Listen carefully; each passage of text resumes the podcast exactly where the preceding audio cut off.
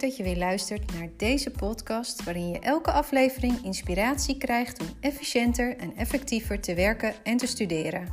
Dit is jouw persoonlijke podcast toolkit vol met handige tools.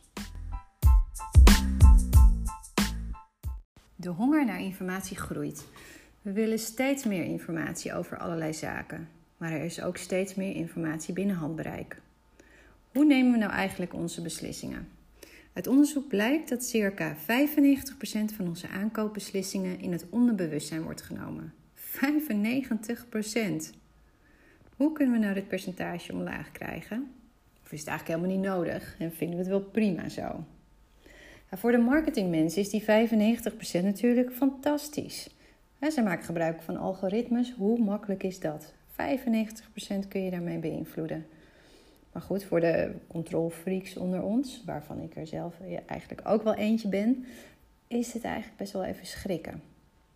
De Nobelprijswinnaar eh, Daniel Kahneman heeft hier ook onderzoek naar gedaan.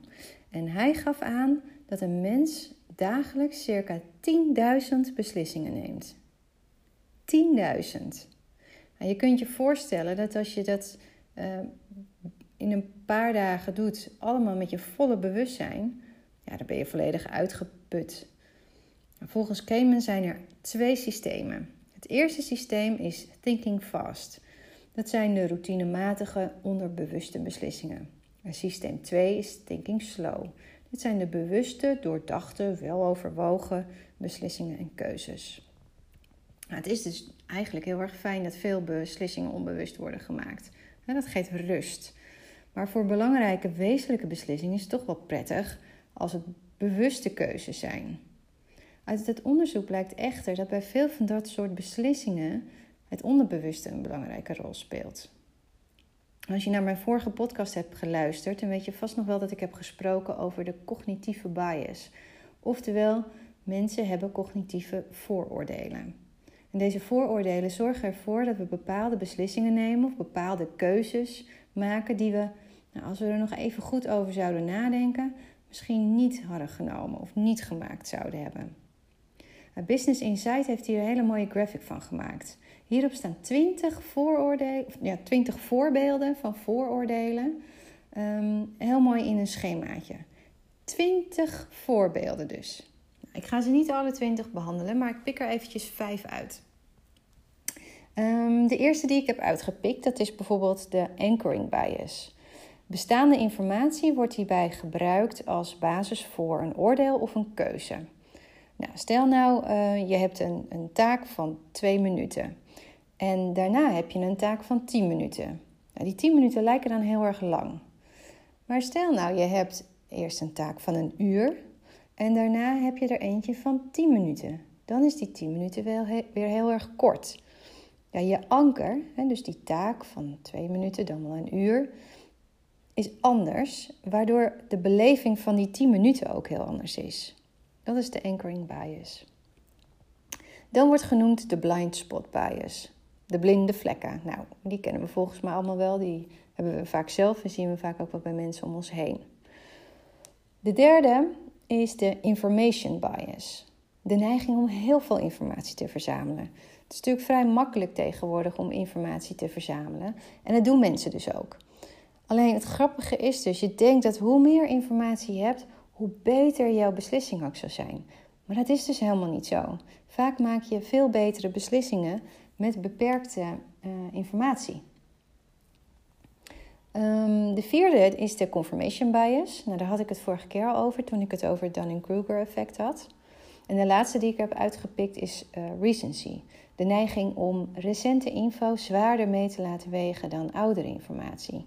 En dat hoeft natuurlijk helemaal niet zo te zijn. Als je kijkt naar, naar investeringen, dat is nog best uh, uh, heftig als dat dan inderdaad ook echt zo is.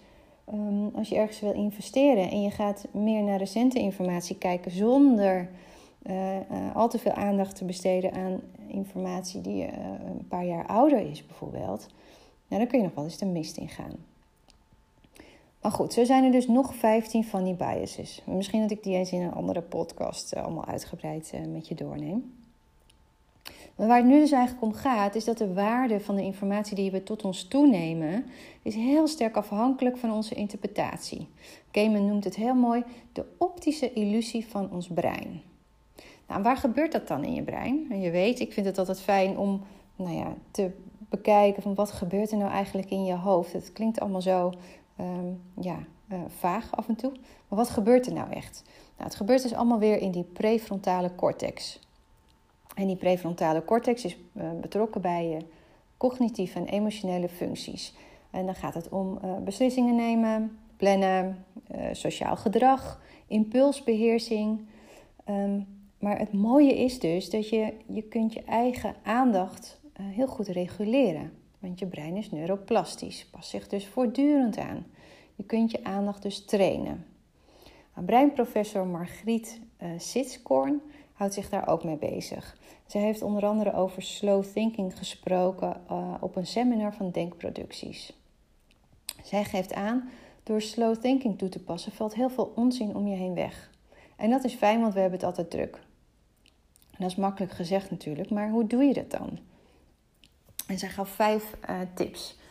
De eerste, Um, is, zet eens op een rijtje wat jouw drie belangrijkste doelen op dit moment zijn. Jouw persoonlijke doelen.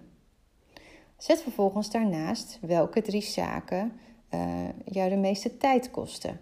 dus waar besteed jij nou de meeste tijd aan? Sluit het op elkaar aan? Nou, top. Maar als dat niet zo is, dan gaat er iets niet goed. De tweede tip is: word geen cognitieve vrek, zoals zij dat dan noemt. Gezien de snelle wereld waar we nu in leven, komt er continu informatie op ons af. En dat kunnen onze hersenen niet aan, want onze hersenen zijn lui. Met als gevolg dat we te vaak fast thinking toepassen. Dat eerste systeem van Kahneman. Het gevaar hiervan is een uh, zogeheten hersenhack. Klinkt heel eng, is het eigenlijk ook. Want eigenlijk word je gemanipuleerd door een ander. Dat moet je natuurlijk niet toepassen, of eh, niet toelaten. Maar door slow thinking toe te passen, ja, kost dat wel meer energie. Maar is het wel waard? Want zo'n hersenhek uh, ja, wil ik niet graag. De derde tip is zorg dat je meer controle krijgt over jouw aandacht. En we worden continu afgeleid. Het schijnt dat we gemiddeld nou, circa 50 keer per dag onze telefoon oppakken.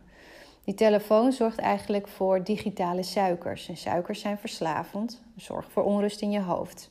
Het is een automatisme geworden. We hebben hier eigenlijk last van ons reptiele brein. Het reptiele brein is ons oudste gedeelte in ons brein. En het is gericht op overleven.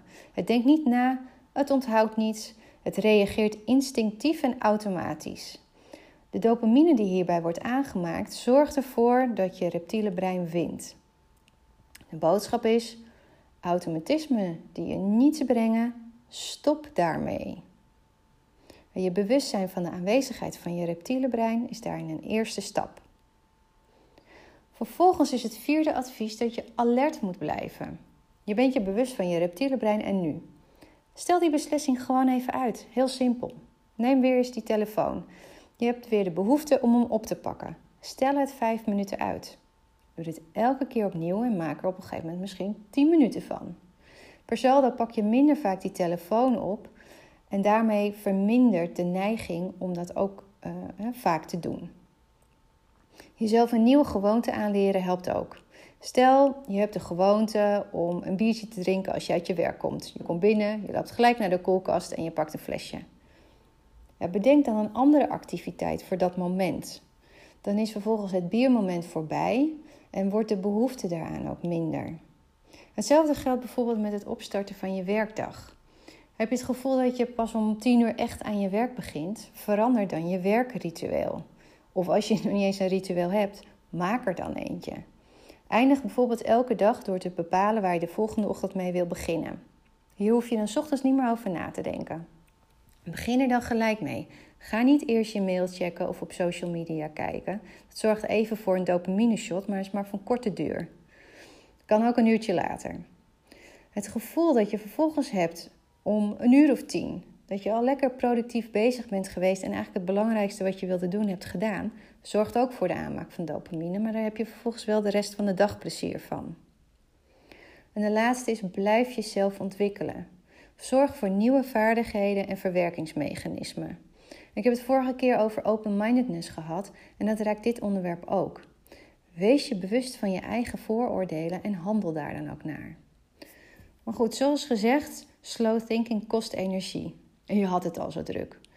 Om dit te compenseren kun je natuurlijk ook relatief eenvoudige zaken meer gaan automatiseren, zodat je daar niet meer over na hoeft te denken. Je maakt ruimte in je hoofd voor beslissingen waar je slow thinking wil uh, toepassen. Neem bijvoorbeeld Steve Jobs, die droeg altijd die zwarte kooltrui. Bill Gates en Mark Zuckerberg doen hetzelfde, dragen elke dag hetzelfde op het werk. Het beperkt de keuzestress. En nu hoef je voor mij niet elke dag in hetzelfde te gaan lopen, maar ik heb zelf bijvoorbeeld een ochtendritueel. Elke dag doe ik alles op dezelfde volgorde voordat de werkdag begint. Het klinkt misschien een tikketje uh, neurotisch, maar ik vind het heel fijn om ochtends rustig op te starten. Zonder na hoeven te denken uh, of ik alles wel heb gedaan wat ik moest doen. Bepaal dus eens voor jezelf waar je meer slow thinking zou willen toepassen. En waar je wat meer dingen kunt gaan automatiseren om uh, ruimte in je hoofd te maken. Ik ben benieuwd wat jij gaat veranderen in je dagelijks leven. Stuur me een berichtje via Instagram of LinkedIn als je het met me wilt delen. Tot de volgende podcast.